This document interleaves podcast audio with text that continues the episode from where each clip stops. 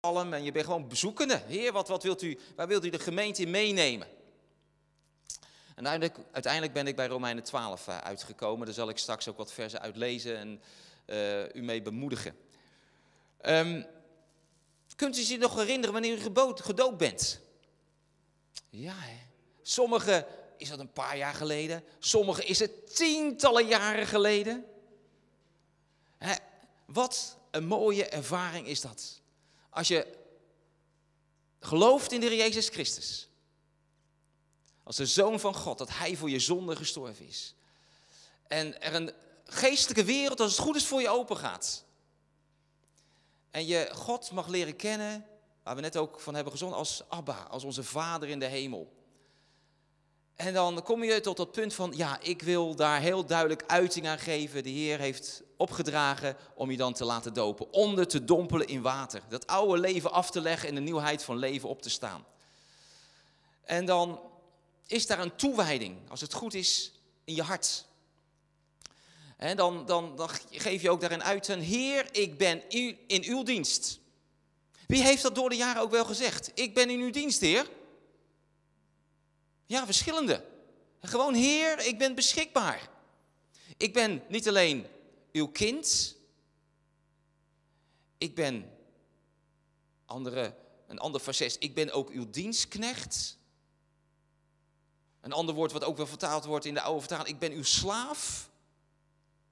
Maar als kind wil ik u dienen. En ik ben in uw dienst. En ik wil beschikbaar zijn, Heer. En dat is ook eigenlijk het, de titel die ik gegeven heb aan dit, aan, de, aan dit woord. Is in uw dienst. In zijn dienst. En um, ik blader naar uh, Romeinen hoofdstuk 12 om zo enkele versen ook te gaan lezen. Um, voordat ik dat doe, moet ik ook nog even aan het volgende denken. Ik zei net, ik ben in uw dienst, ik ben uw kind. Um, en toen Jezus zijn discipelen riep, de vissers lieten hun netten in de steek. Matthäus verliet het tolhuis. Jezus als je mij volgt, dan verloog je jezelf. Met andere woorden, Jezus volgen kost je ook iets. Heb je dat gemerkt in je leven? Jezus volgen kost je iets. Dat heb je misschien gemerkt in die momenten dat je pas tot geloof kwam. Dat het echt iets kostte. En ook op de weg met Jezus kom je op, toe, op, op die momenten ook wel van, ja heer, het kost me iets om aan u vast te houden. En dat is ook een aspect. Heer, ik sta in uw dienst en het mag me wat kosten. In mijn geval was dat destijds, is alweer 40 jaar geleden, jongen, jongen, blijft de tijd? Ik ervoer dat ik mijn studiekeuze moest aanpassen. Ik had mijn hele vakkenpakket afgestemd om geneeskunde te gaan studeren. Maar toen kwam ik tot bekering, tot wedergeboorte. En er was iets, nee, dat is het niet. En ik ben theologie gaan studeren. Om het woord van God beter te leren kennen. Maar na één jaar universiteit dacht ik, ik weet niet of dit de juiste plek is. En de Heer leidde me naar een bijbelschool. Maar in mijn omgeving begreep niet iedereen dat. Je gaat toch niet universiteit verlaten om naar een, een bijbelschool te gaan? Jezus volgen kost je iets. Ook al begrijpen de mensen om je heen het niet. Wat heeft het jou gekost om Jezus te volgen?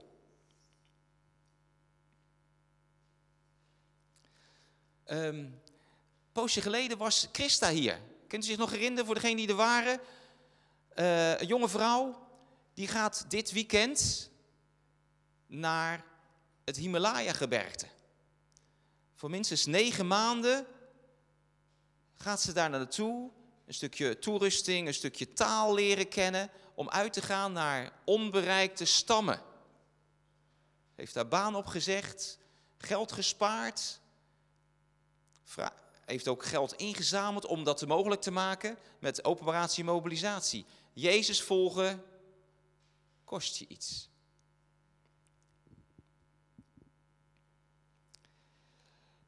Romeinen hoofdstuk 12. Ik heb ook uh, een aantal versen ook, uh, die worden geprojecteerd zo dadelijk. Romeinen hoofdstuk 12. Ik begin bij vers 1. Er staat uh, in mijn vertaling boven, leef volgens de wil van God. Broeders en zusters, met een beroep op Gods barmhartigheid vraag ik u om uzelf als een levend, heilig en God welgevallig offer in Zijn dienst te stellen. Want dat is de ware eredienst voor u. U moet uzelf niet aanpassen aan deze wereld, maar veranderen door uw gezindheid te vernieuwen, om zo te ontdekken wat God van u wil en wat goed, volmaakt en hem welgevallig is. In zijn dienst komt ook in dit eerste vers heel duidelijk naar voren. Om uh, een levend offer te zijn. Dus geen doodoffer, maar levend voor hem. Als we dood zijn, dan kunnen we hier op aarde niks meer betekenen. Hier op aarde zijn we een levend offer. Dan wordt het woord heilig gebruikt. Wat betekent heilig? Wat betekent heilig? Apart gezet. Je bent apart gezet voor zijn dienst. En er staat er ook het woord welgevallig, een welgevallig, orde, uh, welgevallig offer. Het is God aangenaam. God is er blij mee. Als je heel veel van iemand houdt, dan heb je ook heel veel voor die persoon over. Paulus die geeft aan, vanwege Gods barmhartigheid. Als je beseft hoe barmhartig God voor jou is, is geweest en nog elke dag, hoeveel Hij van je houdt. Als je daarover nadenkt, al je zonden zijn vergeven. Je was eerst in duisternis, nu mag je in zijn licht wandelen. Je geestelijke ogen zijn opengegaan voor het koninkrijk van God, voor de liefde van God en voor wat Jezus voor je gedaan heeft. Als je dat beseft vanuit en die barmhartigheid van de Heer, stel je dan op die manier in zijn dienst. Dat is wat Paulus hier ook aangeeft.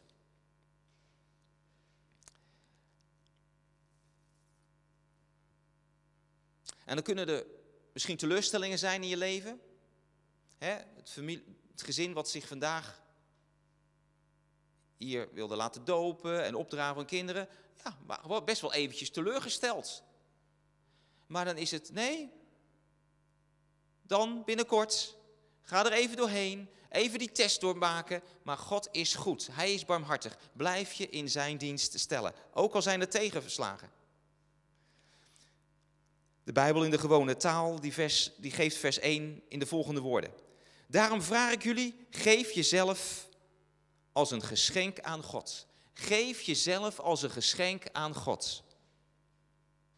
Laat je leven een offer zijn dat God graag wil aannemen. Dat betekent, leef als mensen die bij God horen. Want dat is de juiste manier om God te vereren. In zijn dienst. Dan vers 2 nog een keer. Er staat dan, u, u moet uzelf niet aanpassen aan deze wereld, maar veranderen door uw gezindheid te vernieuwen. Om zo te ontdekken wat God van u wil en wat goed, volmaakt en hem welgevallig is. Een tekst die velen van jullie denk ik ook wel kennen. Wellicht wel ook uit jullie hoofd hebben geleerd. Een tekst die, ook, die ik ook regelmatig gebruik voor mezelf, maar ook om anderen in die zin te bemoedigen en het woord voor te houden. Een hele belangrijk vers. Paulus zegt, pas je niet aan aan deze wereld. En ehm, dat valt niet altijd mee. Want er is zoveel invloed vanuit de wereld op ons mensen, op ons gelovigen. De mensen met wie je optrekt. Hoe ze praten, hoe ze denken. Dat is invloed. De media die de huiskamers binnenkomt. Wat je, wat je in het nieuws hoort en leest.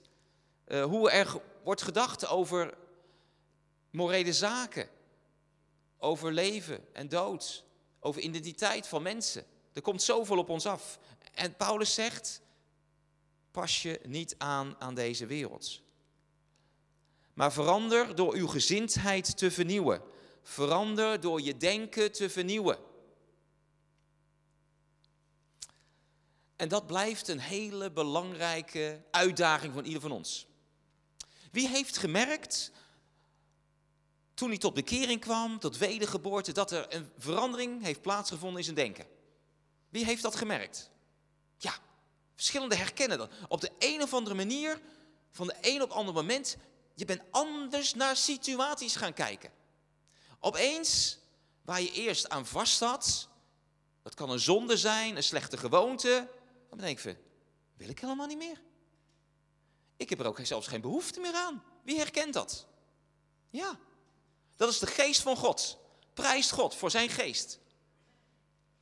Maar je komt ook tot de ontdekking dat andere dingen, dat je daar nog niet automatisch anders over denkt. En dat het soms nog heel lastig is om anders te gaan denken over bepaalde situaties. Dat je echt, daar moet ik voor kiezen. Ik realiseer, dit denken is een leugen. Ik ontdek nu pas dat het een leugen is.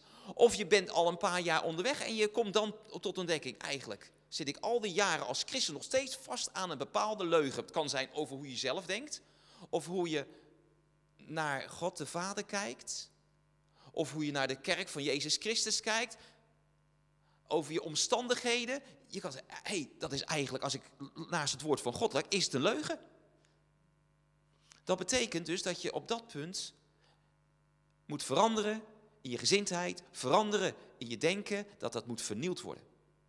En dat is een proces dat ons hele leven hier zal plaatsvinden. Elke keer weer op een ander moment. En soms kan het zijn door omstandigheden, door een teleurstelling of wat dan ook, dat je er terugvalt in een oud denkpatroon. Dat kan gebeuren. Je bent op weg, je bent paar jaar heb je niet veel last gehad van een bepaald denkpatroon, maar er is iets gebeurd in je leven, of je bent wat, ja, wat, wat, wat, uh, hoe, hoe zeg ik dat? Je hebt dat dingen laten versloffen in je geestelijk leven. En langzamerhand komt het oude denken weer terug. En dan is het zaak opnieuw te besluiten: Heer, ik ben in uw dienst. Heer, en ik wil ook dat denken wil ik opnieuw veranderen en ik wil dat vernieuwen in de naam van Jezus. Maar de Heer gaat het niet voor je doen. Heb ik ook ontdekt. Jij moet zelf elke keer voor kiezen. En dat is een best een pittig proces, kan dat zijn.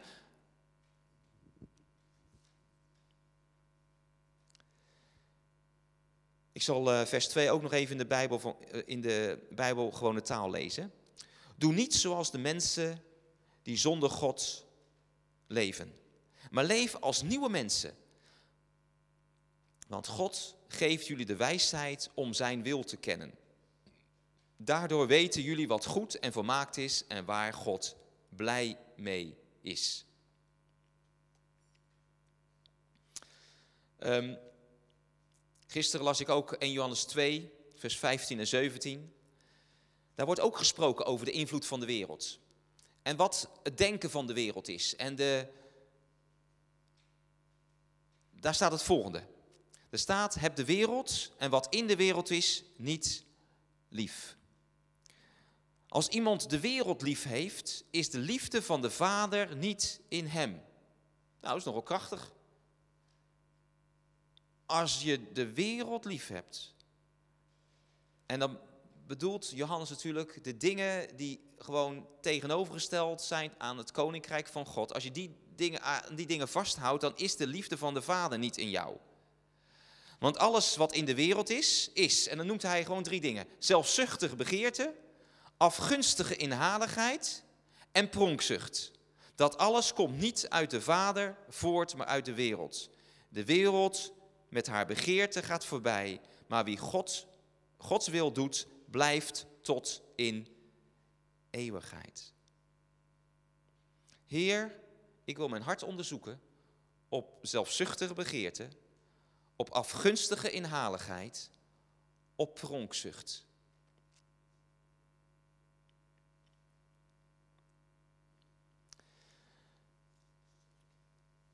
En er staat nog een, eh, een geheimenis in vers 2.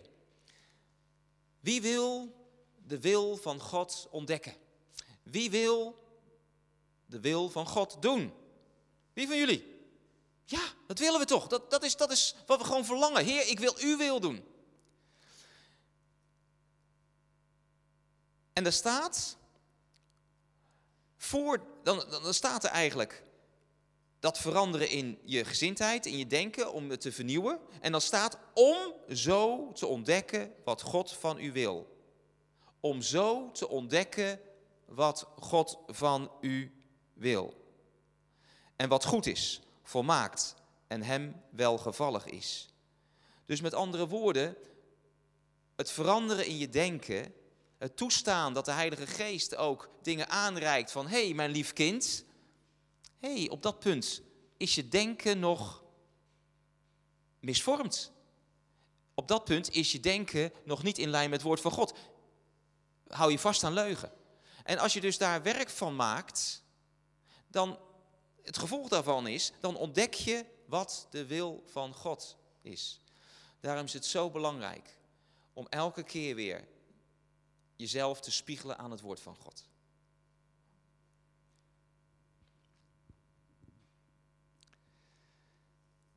Op welke punten ben jij door de tijd anders gaan denken? Gewoon even vragen. Op welke punten ben jij anders gaan denken?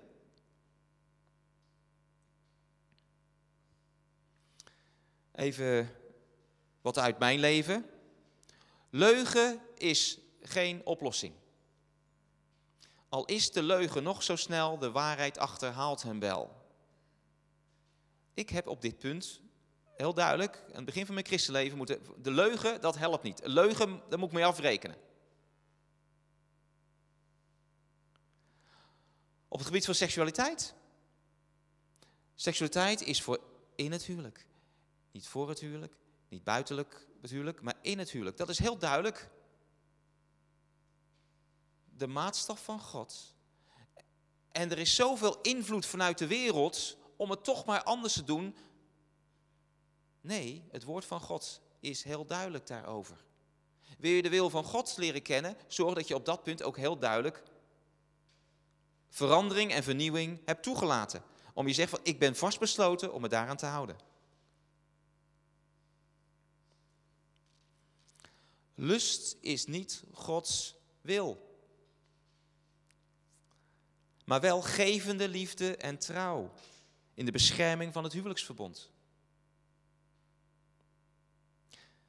Wat is er bij jou veranderd door de tijd heen? Als het goed is, zou, zal, zou ieder van jullie gewoon een aantal dingen kunnen noemen. Ja, daar ben ik veranderd in denken. Prijs de Heer. Halleluja.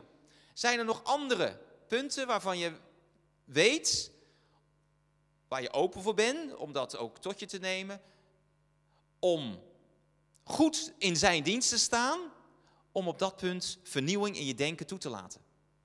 Laat de Heilige Geest tot je hart spreken. Bid ook tijdens deze samenkomst en als je weer naar huis gaat van Heer, zijn er nog dingen in mijn denken die moeten gaan veranderen. Zodat ik meer en beter in uw dienst kan staan. Zodat ik uw wil beter kan ontdekken voor mijn leven. En de Heilige Geest is zo liefdevol. Die wil je daarin meenemen. Die wil je gewoon iets in gedachten brengen die wil je op een gegeven moment een spiegel voor houden. Op een hele vriendelijke manier. Want zo is de Heilige Geest.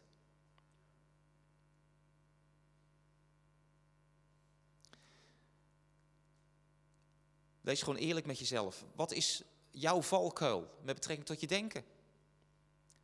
En soms weet je het. Je houdt het voor je. En je struikelt weer. En je probeert het weer aan te pakken, maar je struikelt weer. En soms is er een punt waar je zegt, nou moet ik het met iemand anders gaan delen dat ik iemand anders een deelgenoot mee maak. Want ik wil overwinning halen op, op, op deze, in deze worsteling. Want we hebben ook elkaar nodig. In zijn dienst. Dan vers 3. Met een beroep op de genade die mij geschonken is, zeg ik u allen dat u zichzelf niet hoger moet aanslaan dan u kunt verantwoorden, maar verstandig over uzelf moet denken. Denk overeenkomstig het geloof dat is de maatstaf die God u heeft gegeven. Het woord spreekt voor zich. Waar het op neerkomt is bescheidenheid in je denken over jezelf. Dat is wat Paulus hier heel duidelijk naar voren brengt. Waarschijnlijk liep hij tegen mensen aan die niet bescheiden waren. En ook dat kom je af en toe tegen. Maar waar we ook tegenaan kunnen lopen, misschien in jezelf, maar ook bij anderen, er zijn ook best wel wat gelovigen die te min over zichzelf denken. En dat is ook een issue waar je in mag veranderen. Dat je zo waardevol en kostbaar bent. Denk overeenkomstig het geloof. Niet overeenkomstig je gevoel, niet ook overeenkomstig je ervaring, maar overeenkomstig het woord van God. Ook daar hebben we vanmorgen een prachtig lied ook over gezongen. Dat was dat lied in het Engels. Uh, dat je. Use, nou ben ik het even kwijt in het Engels.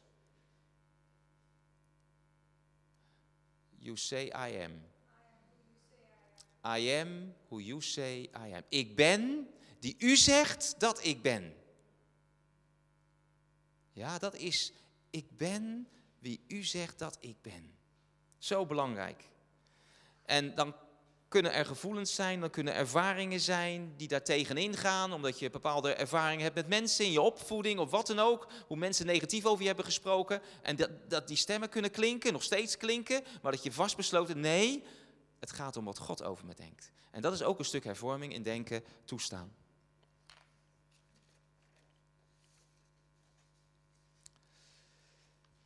Een paar hoofdstukken terug, Romeinen 5, vers 1 staat.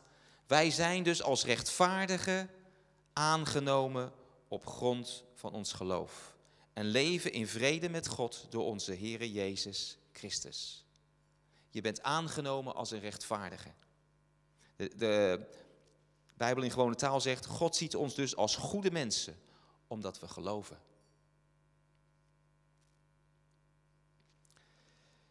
Dan vers 4 en 5. Zoals ons ene lichaam vele delen heeft en niet, die, die delen niet allemaal dezelfde functie hebben, zo zijn wij één lichaam in Christus en zijn wij ieder apart elkaars lichaamsdelen. Dit is een bekende illustratie natuurlijk in de Bijbel. We zijn met elkaar een lichaam. We worden ook met elkaar het lichaam van Christus genoemd. Met allemaal verschillende lichaamsdelen. En ieder lichaamsdeel is belangrijk heeft een functie, is kostbaar, is belangrijk.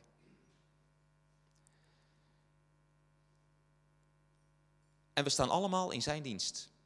Ieder op zijn of haar wijze.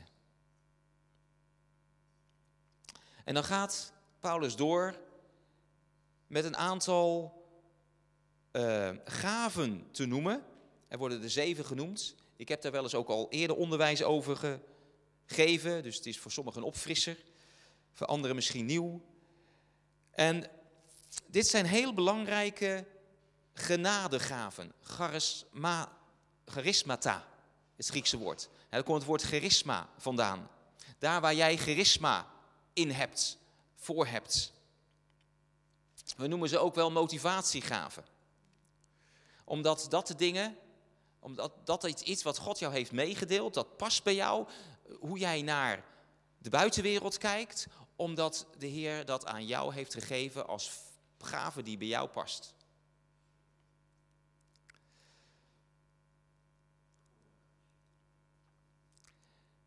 Ik zal uh, vers 6 lezen.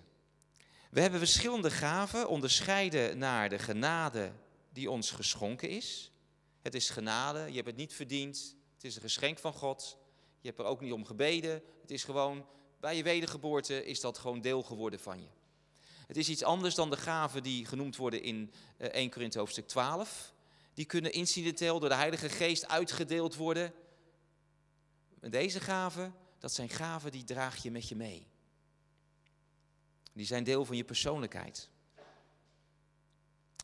En dan noemt hij, wie de gave heeft te profiteren, moet die in overeenstemming met het geloof gebruiken. Profiteren, um, woorden van God spreken, indrukken van God delen, eh, dingen die je ziet in de geestelijke wereld. Ehm, een hele kostbare gaven ook. Ehm, in 1 Korinthe 12 wordt hij ook wel als gave genoemd. Maar meer in de context van incidenteel. Manifestatiegave, het wordt ook anders genoemd. We kunnen allemaal op een bepaald moment gebruikt worden om een indruk van God door te geven. Iets wat je ziet, iets wat je op een gegeven moment ervaart. Dit is wat de Heer tot de gemeente wil zeggen, tot iemand anders wil zeggen. En de gave die hier in uh, Romeinen 12 genoemd wordt, is de gave die eigenlijk als het ware meedraagt. Voor degenen die afgelopen donderdag uh, hier op het Huis van Gebed waren, Corine stapt opeens in die gave. Corine, weet je nog? Dat doet ze niet elke keer. Uh, toevallig wel een week of drie geleden ook, maar daarvoor een poos niet. Opeens dan, ik zag op een gegeven moment Corine staan zo. Ik zag ze zo staan, gewoon in ontvangende houding. En ik dacht, straks gaat er iets komen. Ik wist het. En inderdaad, Corine die deelde, als jij een bemoediging nodig hebt, als je voor gebed wil komen, kom maar naar voren, stap maar naar voren.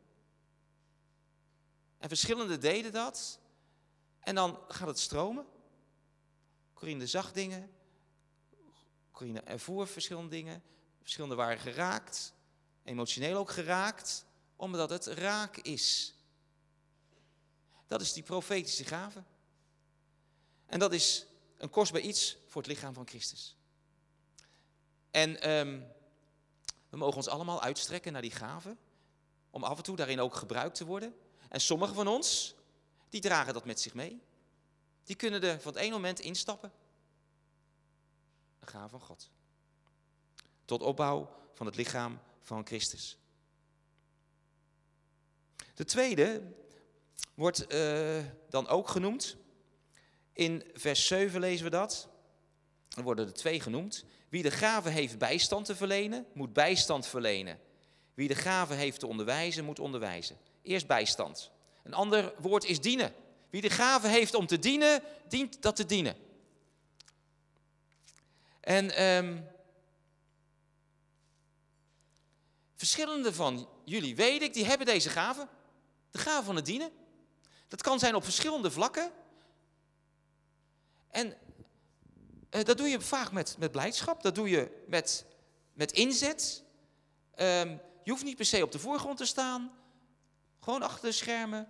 Of het nou facilitair is, technisch of in de keuken of uh, wat dan ook. Je vindt het fijn om te dienen. En daar ben ik heel dankbaar om. Dat verschillende van jullie daar ook heerlijk in uitstappen. Um, Paulus die noemt dan het lichaam van Christus. Ah, en als je illustratie geeft met betrekking tot degene die een profetisch woord geeft, de, de, de profetische gave heeft, dat is vaak de ziener. Die ziet dingen in de geest die hoort dingen in de geest om door te geven. Degene die de gave van bijstand verlenen heeft, dienen, die heeft, dat zijn de handen van het lichaam, als de handen van het, handen van het lichaam, als illustratie genoemd.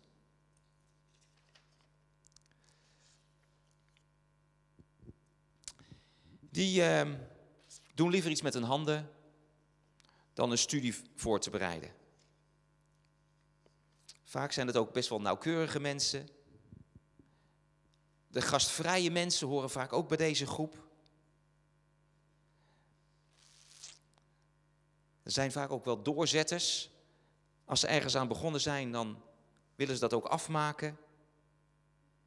Soms kunnen ze slecht nee zeggen als er verzoek om hulp gedaan wordt.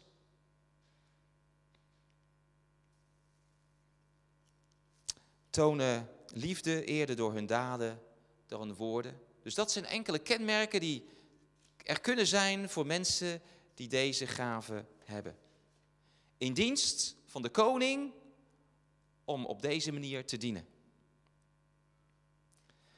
Dan het andere, de andere gave die genoemd wordt, is het onderwijs geven. Dat je het fijn vindt om het woord van God niet alleen voor jezelf te lezen, maar je het ook voorbereidt om weer door te geven aan iemand anders. Dat je precies wil weten, wat zegt het woord? En als je iets hoort van, hé, hey, dat is niet helemaal in lijn met wat de Bijbel zegt, dan is degene die deze gave heeft, van leraar, van onderwijsgever, toch de eerste die zegt van, hé, hey, klopt dat wel?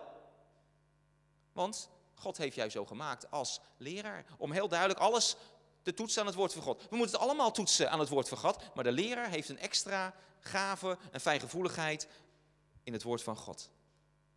En dat kan zijn dat je het fijn vindt om iemand één op één te onderwijzen. En de ander die heeft liever een klein groepje. En de ander die vindt het helemaal geen probleem om een grote groep te onderwijzen. Maar allemaal dezelfde gaven. Allemaal dezelfde motivatiegaven. Maar alleen in, op een verschillend, in een verschillend aspect. Dan vers 8. Eh, Wie de gave heeft te troosten, moet troosten. Wie iets weggeeft, moet dat zonder bijbedoeling doen. Dus wie de gave heeft te troosten, moet troosten. Het woord wat daar gebruikt wordt, is hetzelfde woord voor vermanen in een andere vertaling, of het woord bemoedigen, wat ook wel gebruikt wordt. Dat is degene die als het ware de mond is in het lichaam. woorden geven kracht. Woorden geven leven.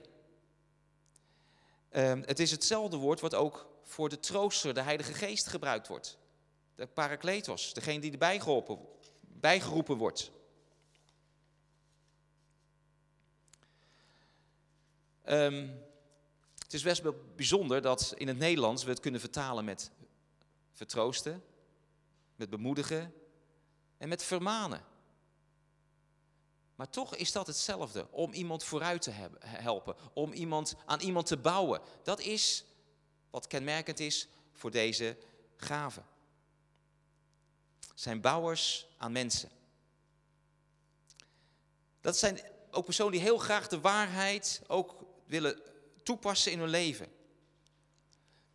Eerder dan te onderzoeken in de Bijbel.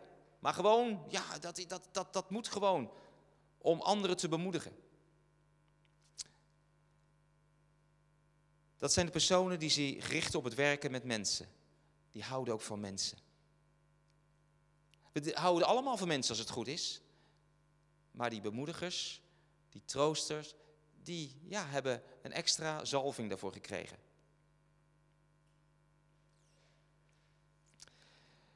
Dan, er kan nog veel meer per gave gezegd worden, maar ik uh, vat gewoon een aantal dingen samen. Ook vers, geeft vers 8 het volgende aan. Wie iets weggeeft, moet dat zonder bijbedoeling doen. Wie iets weggeeft, moet dat zonder bijbedoeling doen. Dat zijn de gevers in ons midden. Van tijd, van energie, van geld.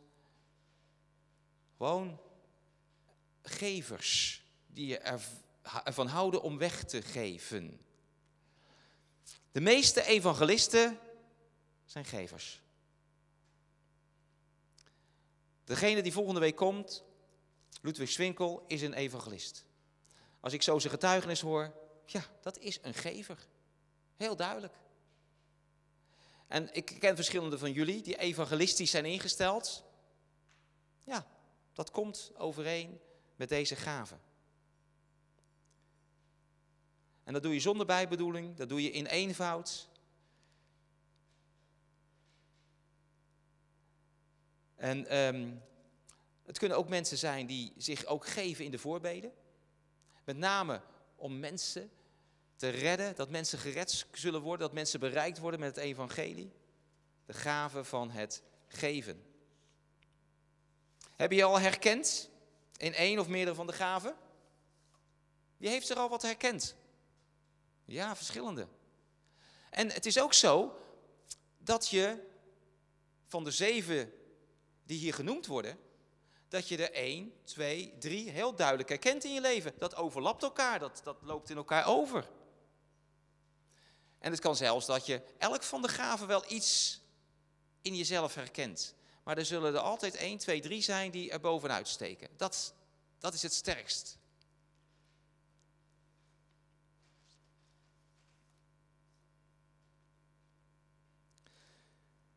Dan is er ook nog de volgende gave. Wie leiding geeft, moet dat doen met volle inzet. Ook dat is een geestelijke gave. Leiding geven, het voortouw nemen, het organiseren, regelaar, leider. Die houdt van uitdagingen, die houdt van inspringen. Die, houdt, die, die heeft een natuurlijke motivatie om van ruw materiaal en mensen iets nieuws te produceren. Die stappen uit in, onder autoriteit. Die begrijpen en eren, respecteren autoriteitsstructuren. Die schuwt vaak geen kritiek. Een grote ijver en enthousiasme. De gave om leiding te geven. En tot slot, dat zijn de schouders van het lichaam. Ik heb uh, bij niet elk, geloof ik, uh, het bijbehorende lichaamsdeel als illustratie gebruikt. He, degene die geeft, dat zijn de armen. En dan hier bij leiding geven de schouders van het lichaam. En dan de laatste, dat is de zevende, dat is barmhartigheid. Wie barmhartig voor een ander is, moet daarin blijmoedig zijn. De motivatiegave die ik zo uh, noem vandaag, daar is ook onderzoek naar gedaan. Daar komen ook de verschillende eigenschappen naar voren die ik heel globaal even genoemd heb, voor een aantal tenminste. En het blijkt dat deze het meeste voorkomt. En het wordt ook wel geïllustreerd met het hart van het lichaam. Wat staat voor liefde. Zo'n 30% van de christenen hebben deze gave, de gave van barmhartigheid. Hè, um, en dat is natuurlijk ook zo nodig in deze wereld. En dat dien je met blijdschap te en blijmoedigheid te doen. Het is een, een, enorm vermogen om liefde te tonen. om de vaders liefde te reflecteren. Deze personen zoeken vaak altijd het goede in mensen. Veelal leveren ze geen, niet veel kritiek. Ze hebben als het ware ingebouwde oogkleppen, heb ik al eens meer gezegd. Gericht op het goede, zowel het werkelijke als het potentiële in mensen. Ze willen ook niet anderen negatief horen praten over andere mensen. Ze voelen de geestelijke atmosfeer vaak ook goed aan van een groep of een persoon. die kunnen vaak ook goed de lichaamstaal van mensen lezen. dit zijn enkele eigenschappen van deze gave van barmhartigheid. Dus vandaag in zijn dienst. Met de gave die jij hebt gekregen. Het is heel belangrijk om te weten wat je gave is, wat je gaven zijn, om ook te gebruiken. Want er is ook een gelijkenis die Jezus gegeven heeft over de talenten, dat het heel belangrijk is, de talenten die we hebben gekregen, om die ook in te zetten, om die niet te begraven. En ik weet, um, ook uit de ervaring bijvoorbeeld die Corine heeft, dat door teleurstelling, doordat er tegen je bent ingegaan, bij Corine was dat als meisje van 14 al, dat op een gegeven moment de profetische gave naar boven kwam en de ouderling in de kerk zegt, dat doen wij hier niet. En dat het toen dichtgeklapt is en jaren als het ware het niet, er niet in gewandeld heeft omdat je het niet durfde. Zo kan het zijn dat andere gaven door negatieve ervaringen van mensen in de kerk, buiten de kerk, dat je die gaven eigenlijk maar, ja, niet uitoefent. Op een laag pitje hebt staan. In zijn dienst. Met de gave die God je gegeven heeft. Dat is onze uitdaging. Laat dat ons verlangen zijn. Um, we hebben best wel een pittig jaar natuurlijk achter de rug. Vanwege het COVID-19 gebeuren. En het kan zijn dat bepaalde dingen die zijn wat op de achtergrond geraakt. Maar laten we met, ons, met elkaar zeggen van Heer, dat er weer een nieuw seizoen mag aanbreken. En ik wil me inzetten in uw dienst. Als een levend en heilig offer. Welgevallig voor u. Heer, wat heeft u voor mij? Uh, als je initiatieven hebt. Als je gedachten hebt. Als je merkt van, ja, ik, ik, ik, ik wil graag wandelen in die graven. Kom en praat erover. Hè, het is heel belangrijk dat we op die manier in zijn dienst uh, staan. Sta hervorming in je denken toe. Onderzoek jezelf. Waar zijn de leugens? Waar laat ik me op tegenhouden? Waar laat ik me door tegenhouden? Om met elkaar beschikbaar te zijn voor de koning. Dat we in de handen van onze meester beschikbaar zijn. Heer, uit mezelf kan ik het niet, maar door u kan ik het wel. En dat de Heer gewoon ons ja, bemoedigt daarin, uitdaagt. Nieuwe initiatieven ook voorhoudt die Hij van ons vraagt. Laat dat ons gebed zijn met elkaar. Amen. Amen.